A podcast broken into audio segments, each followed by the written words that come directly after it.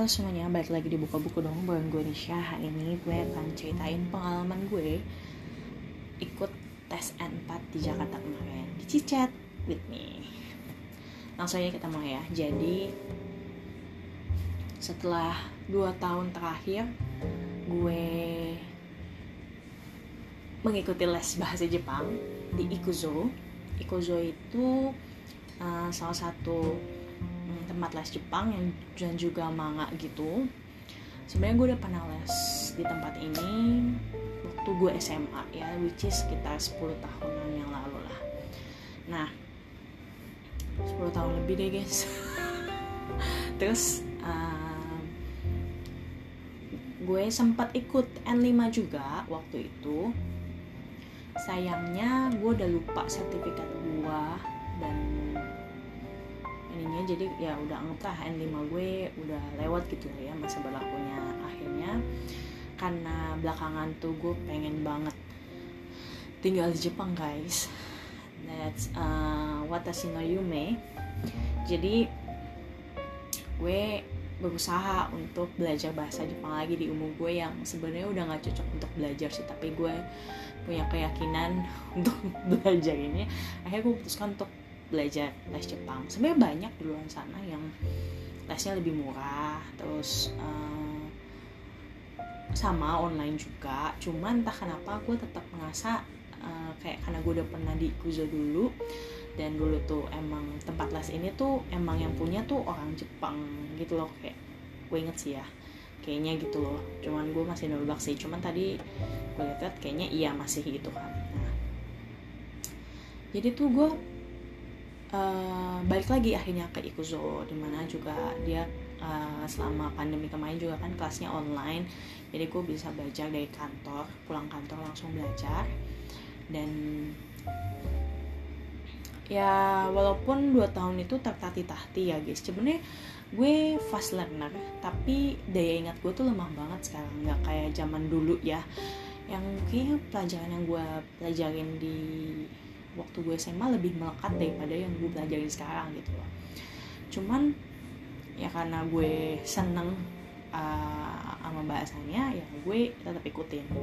Dan di dua tahun ini gue udah masuk ke uh, tingkat menengah lah istilahnya ya. Jadi gue udah mulai belajar masuk ke N3 tapi baru di awal banget karena menurut gue pas masuk ke N3 ini tuh bener-bener susah banget yang which is kayak untuk uh, ngabisin satu bab aja gue bisa dua minggu lebih yang biasanya uh, dalam waktu eh bisa tiga minggu lebih. Dan padahal kalau sebelum sebelumnya uh, waktu N5 N4 itu gue kayak dua minggu gue udah kelar.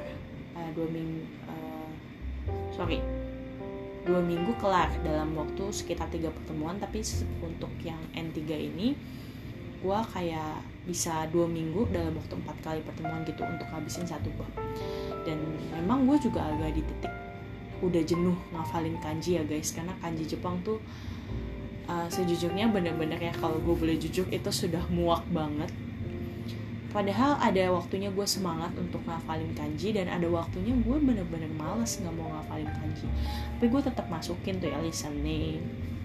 Dulu gue kayak dengerin podcast Jepang terus sering lihat di YouTube short kayak yang kayak uh, kiat-kiat uh, bahasa Jepang zaman sekarang kayak gitulah ya. Kayak ada tuh gue lupa sih namanya siapa ya. Uh, yang Miteku Rete Agato gitu. Nah itu tuh gue suka banget nonton dia. Terus uh, gue juga uh, ikutin YouTube-nya Tanaka Sensei yang gue beli oleh-olehnya tuh di Jepang gitu. Waktu gue ke Jepang kemarin ke pop up store-nya si Tanaka Sensei di gue lupa di salah satu cafe di di Kyoto. Gila itu pas banget kayak wow dia lagi ada pop up store gue ke sana padahal itu cafe uh, jauh banget guys. Kayak bukan jauh sih kayak di ujung berantahnya Kyoto ya. Masih tengah sih masih kota cuman kayak orang jarang ke sana gitu. Tapi gue tetap bela-belain ke sana untuk beli merchandise-nya. Tanaka Sensei gue beli buku onomatopedia-nya Tanaka Sensei yang gue pernah review juga bukunya di podcast buka buku dong yang pakai bahasa Jepang nih Hongo de Hanashimasu so uh, pengalaman gue N4 ini gue akan ceritain dari gue gagal mendaftar tes N4 di bulan Juli guys. Jadi sebenarnya dalam satu uh, GLPT ini itu setahun tuh ngadain diadain dua kali di bulan Juli dan bulan Desember. Gue tuh gagal mendaftar mendapat kuota di bulan Juli kemarin. Dan akhirnya karena gagal di bulan Juli ya udah gue akhirnya ikut yang Desember. Gue ikut daftar daftar nggak tahu tanggal tanggal ujiannya kapan guys. Ternyata tanggal 3 Desember which is itu minggu pertama dan biasa minggu pertama gue wajib ke gereja. Kali itu gue kayak ya udah gue relain. Karena uh, gue udah bayar gitu ya. Ya kesalahan gue juga sih gue nggak periksa itu tesnya kapan gitu ya. Terus hampir gue juga gagalin karena ternyata tesnya tuh di Jakarta Timur yang which is gue nggak tahu itu di mana. Gue kayak ah gimana nih? gitu. Gue kayak setengah-setengah gitu ya ikut nggak ikut gitu kan. Terus belum lagi persiapannya menurut gue kayak nggak mateng nih gue untuk belajar N4 tapi akhirnya dalam dua bulan terakhir gue tuh setiap les selalu belajar materi N4 akhirnya sampai gue ya udah karena udah lumayan matang uh, persiapan gue untuk N4 ya udah akhirnya gue ikut N4 dan itu perjalanan yang cukup panjang di hari itu karena gue harus melewati berbagai daerah karena gue di hari itu juga jadwalnya padat banget di tanggal 3 Desember itu. Pagi-pagi gue udah nyampe di SMP 252 kalau nggak salah ya di daerah Jakarta Timur. Gue nggak tahu itu di mana guys. Jangan tanya gue lagi gue nggak tahu itu di mana yang pasti gue nggak pernah ke situ dan itu pertama kalinya gue daerah situ ya. Terus uh, pagi dan gue pikir tuh kayak tesnya paling berapa sih? Uh, ya dua jam lah ya gitu ya. Nyatanya tuh tesnya dari jam 9 sampai jam 12 3 jam kayak terus gue kayak ah gitu kan gue akhirnya nggak bisa ke gereja terus jadi keburu-buru untuk ngelakuin hal-hal setelah itu gitu kan. Eh sorry deh bukan jam 12 jam 1 which is 4 jam. Dan di mana persiapan menurut gue itu agak nyebelin sih. Di mana persiapan dimulai jam 9 itu adalah 55 menit persiapan menuju tes yang pertama. Uji goinya terus gue kayak gila gue sia-siain waktu gue 55 menit guys. Tapi ya eh, oke okay lah demi tes sekali gitu kan ya. Kayak gue pun di sini pun udah juga udah pasrah ya kayak ya udahlah kalau gue pun nggak lulus kali ini nggak apa-apa gue masih bisa daftar next gitu kan. Nah waktu ngerjain uji goi tes yang pertama itu masih gampang tuh. Terus paniknya adalah menuju tes kedua itu cuma punya istirahat tuh 20 menit 10 menit itu pengumpulan 10 eh 10 menit itu pengumpulan 10 menit istirahat terus langsung mulai ke tes yang kedua itu kalau nggak salah tes bungpo ya. Terus gue kayak eh gila panitia yang di kelas gue entah kenapa tuh berat banget kerjanya. Terus kayak nggak jelas mereka tuh kayak nggak ada instruksi ah, nggak ngikutin instruksi atau gimana atau nggak kurang nangkep sama instruksi yang uh, cara membagikan. Jadi kan itu kita dapat soal lembar jawaban kan. Lembar jawaban tuh kayak dulu zaman UN gitu yang mesti dibulet-buletin bayangin masa pengawas gue ya oke okay lah kalau lembar jawabannya diurutin sesuai nomor ya. Ini tuh lembar soal yang nggak penting menurut gue maksudnya intinya lu nggak harus urutin diurutin juga. Dan itu makan waktu 20 menit sendiri sampai akhirnya gue telat untuk mulai bukan gue satu kelas telat untuk mulai uh, tes bungkonya di situ gue udah kayak ini gue mata gue nggak salah kan? Mulainya 10.45 ini udah 10.45 kok nggak mulai-mulai gitu kan. Akhirnya ada satu yang berani ini kak ini gini gini gini gini. Akhirnya kita jadi kayak dikasih waktu lebih lah spare-nya nah terus uh, menuju uh, tes yang ketiga cokainya uh, listeningnya itu kita ada waktu 20 menit istirahat dan 10 menit untuk persiapannya. Jadi 30 menit ya guys 20 menit istirahat udah berjalan lancar tuh. Terus mereka tuh harus ada tes uh, tes materi listeningnya gitu ya. Dan pas jamnya udah mulai ternyata kita udah masuk belum dites dong listening pas CD-nya itu. Terus kayak jadi telat lagi mulainya. Terus gue kayak dalam hati nah di situ tuh gue udah mulai uh, mulai nggak nyambung ya. Mulai kayak ngawang-ngawang. Dan tes cokainya asli sih susah banget gila. Nggak kayak tes yang selama ini gue pelajarin yang kayak sekali denger tuh gue bisa ngeh tiba-tiba di situ tuh kayak banyak kosakata yang gue kok? Apa maksudnya? Terus kayak kalau lo ngilang dikit kayak tiba-tiba lo bengong gitu ya udah lo nggak bisa jawab tuh pertanyaan itu. Untungnya memang masih pilihan ganda sih guys. Ya gue masih bisa cap cip cip tapi gue tuh kayak apa ya jeblok banget gitu loh. Walaupun gue bahkan gak yakin gue setengahnya tuh bener guys. Padahal memang nilai batas N4 itu cuma 50% dari uh, soal gitu ya. Cuman gue kayak gila gila. Uh, cokai gue kayaknya amit-amit deh gitu. Gue udah kayak listeningnya tuh aduh. Rasanya mau menangis setelah itu cuman ya gue tetap move on kan. Gue udah ya, ya udahlah pasah gitu kan. Kayaknya gue N4 kali ini gak lulus. Nanti aja tahun depan gue langsung N3 semoga ya tahun depan gue bisa N3 nggak tahu sih ini gue pun lagi cuti ya Desember ini gue cuti. Les karena gue udah kayak udah panas otak gue. Uh, panas mikirin N4 gue. Terus emang gue udah lagi di tahap kayak les tuh semangat gak semangat gitu loh. Bahkan kadang waktu satu setengah jam les itu yang gue fokus tuh cuma satu jam. Terus apa gue berpikir gue mau ganti hari gitu. Tapi emang itu udah paling cocok sih hari Kamis habis kantor dan hari Sabtu pagi sebelum gue ngelakuin apa-apa cuman ya baik lagi gue nggak tahu sih. Dan sempat di tengah-tengah itu gue desperate banget sama sensei gue tiba-tiba yang biasanya ngajarin gue di hari Kamis dan Sabtu. Dua, dua sensei ya karena beda orang. Mereka yang satu udah nggak ada kelas online di hari itu jadi gue udah nggak bisa ikutin kelas dia. Yang satu tiba-tiba udah nggak ngajar lagi di Kuzo which is gue kehilangan dua sensei dan satu yang kesayangan gue ini yang dia udah nggak ada kelas online. Itu tuh gila gue kayak namanya Deka Sensei dulu gue kayak aduh gue nggak bisa kalau nggak ada Deka Sensei. Karena dia menurut gue sensei yang bisa gue andelin gitu. Yang dia ngajak gue ngomong bahasa Jepang cara dia ngomong bahasa Jepang jadi kayak latihan gitu loh latihan kaiwa jadinya. Walaupun gue nggak 100% mengerti dan menghafalkan gitu lah. Terus terakhir gue pernah ketemu lagi dia pas gue kelas ganti ya karena gue kan sempat ke Jepang terus gue sempat sakit saat hampir gue empat kali pertemuan gue nggak datang gak ikut gitu ya. Jadi gue sempat ketemu lagi sama Deka Sensei gue bahkan saking groginya gitu kayak udah mau ngomong nih aduh gue harus ngomong oh hisashiburi gitu ya. Terus gue kayak gagapan. Untung dia mengerti maksud gue gitu kan. Terus uh, sempat gue skeptis nih sama sensei yang baru gitu kan sensei Kamis dan sensei Sabtu tapi sensei hari Kamis dan sensei hari Sabtu ternyata oke okay dan menyenangkan untuk apa ya uh, gue untuk learning um, learning dari mereka gitu learning from them gitu ya.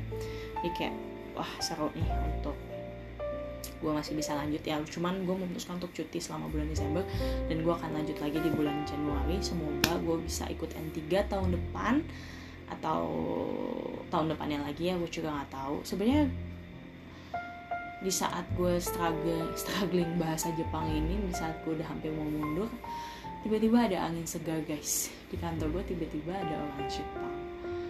Dan gue nggak dekat maksudnya kayak apa ya kayak nggak interaksi kan karena dia gak banyak di kantor. Tapi gue senang karena dia gue pun kayak uh, waktu gue dikasih tahu ada TKI Jepang di kantor gue uh, gue itu lagi di Jepang terus uh, orang si TKI-nya itu juga lagi di uh, kayak seminggu setelah itu kayak dia di Jepang juga pulang kampung. Terus uh, pas ketemu itu uh, gue kayak kayak nggak tahu apa yang harus gue lakukan. Harusnya gue dengan pede ya gue ngomong kan ditanya dia kayak kenalin ini ini kan gitu. Gue harusnya langsung jiko shokai gitu ya langsung Haji Mimeste Neisha des Neisha to iyu imi des kayak kenapa gue gue tidak melakukan itu semua guys. Gue kayak menyesali setelah ketemu itu gue kayak sesalin. Ya gue cuman bisa ngomong arigato gozaimasu Nesia gitu kan gue cuma bilang maksudnya harus gue ngomong ya ya sih ke mas gitu kan. Kenapa itu jiko suka itu? Basic banget gue kenapa nggak bisa melakukan agapan terus akhirnya gue kayak menyesal. Terus gue nggak ada waktu nggak ada emang nggak ada timing untuk ngobrol sama dia. Tapi orangnya asik gitu. Sampai akhirnya gue nggak sengaja ketemu di lorong. Terus gue kayak ah gue gue panggil kan. Uh, terus gue cerita kalau gue uh, last month uh, Sengetsu Nihonge Ikimashita gitu kan. Gue pergi ke Jepang terus gue cerita gue ke uh, tempatnya dia. Dalam tanda kutip kotanya dia kelahiran dia di Kobe gitu kan. Terus gue kayak ah ya ya ya terus ceritain juga gue uh, gue belajar bahasa Jepang. Terus gue bulan Desember akan uh, tes bahasa Jepang Ennyong gitu kan.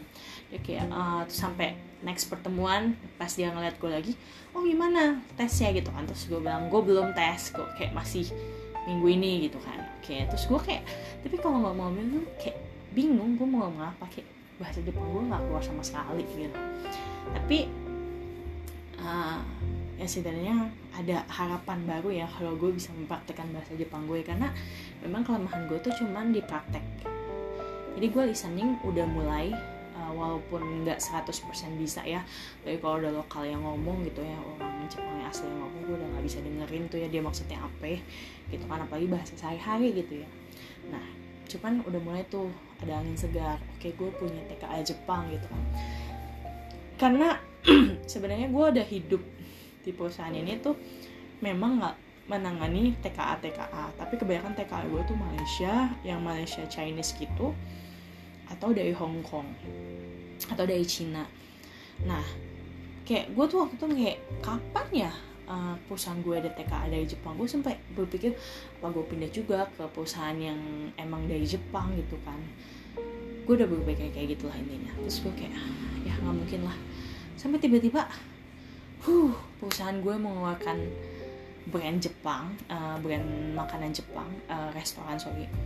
Terus ya gue pikir awalnya ya nggak mungkin juga kan tiba-tiba ada TKA Jepangnya gitu. Eh tiba-tiba ada dong guys didatangkan TKA Jepangnya. Kayak perlahan-lahan dikabulkan. Terus gue kayak oke okay, oke okay, kalau gue bisa sempat gue akan coba usaha.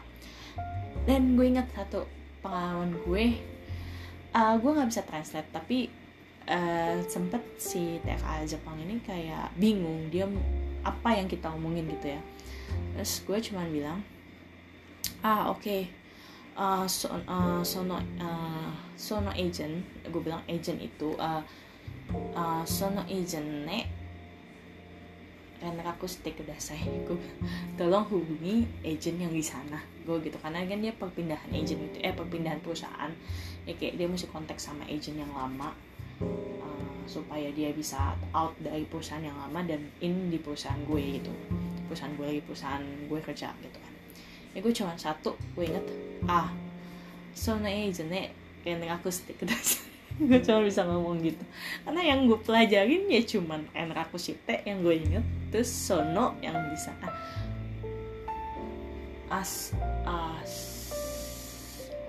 kore sore aso ya kan? Sono. Sono tuh yang di sana maksudnya. Uh, asono gue juga lupa lah. Terus ya agent kan uh, bahasa serapan ya. Jadi ya gue bisa lah gitu gitu terus uh, ya berapa kali gue mau coba ngomong tapi gue juga nggak bisa. Ya begitulah hidup ya. So ya gue nggak tahu sih N4 gue ini bakal lulus apa enggak pengumumannya kayak dikit lagi dari beberapa uh, entah gue akan waktu gue upload podcast ini apakah sudah muncul ya tapi gue sebenarnya udah punya sertifikat kelulusan N4 versi 14 gue sendiri. Uh, ya semoga gue bisa N3 di tahun 2024 ya guys dan gue bisa ke Jepang lagi di tahun 2024 terus ya one of my dream uh, is to live in Japan. Gue sempat berpikir apa gue mau sekolah bahasa ke sana atau gue pikiran gue mau kerja di sana tapi memang banyak umur sih kerja di Jepang tuh berat banget guys. Dan pinggang gue tuh sakit-sakitan ya guys. Kerja duduk yang biasa aja gue udah mulai pegel. Olahraga bentar aja gue udah mulai sesek apalagi gue yang kerja di Jepang. Tapi gue pengen banget kerja di restoran atau di cafe di Jepang sih guys pengen banget gila. Gue kayak what's what's of my one of my dream gitu ya. Gue tuh punya banyak mimpi yang sebenarnya antara bisa atau enggak diwujudin tapi gue senang sih. Wow amazing gitu kan. So itu aja yang bisa gue review dari gue review ya gue ceritain dari pengalaman gue untuk ikut N4 di Jakarta dan sneak peek kehidupan Nihongo gue kehidupan bahasa Jepang gue selama dua tahun terakhir gue belajar. Dua tahun terakhir gue belajar bahasa Jepang ya. Gue belajar bahasa Jepang dari sebenarnya dua tahun lebih sih. Gue belajar bahasa Jepang itu dari 2021 akhir deh kayaknya. Ya udah dua tahun lebih lah ya gue belajar bahasa Jepang. So doakan saja. Uh, thank you for listening. Kita kurete arigatou gozaimasu. Mata nih